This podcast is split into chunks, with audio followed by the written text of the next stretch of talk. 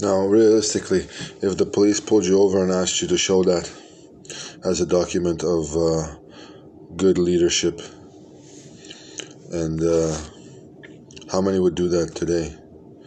You know, how many? Let's say the parish has 600 and they pull, pull over 600 people today from that parish asking, show me the document that you went.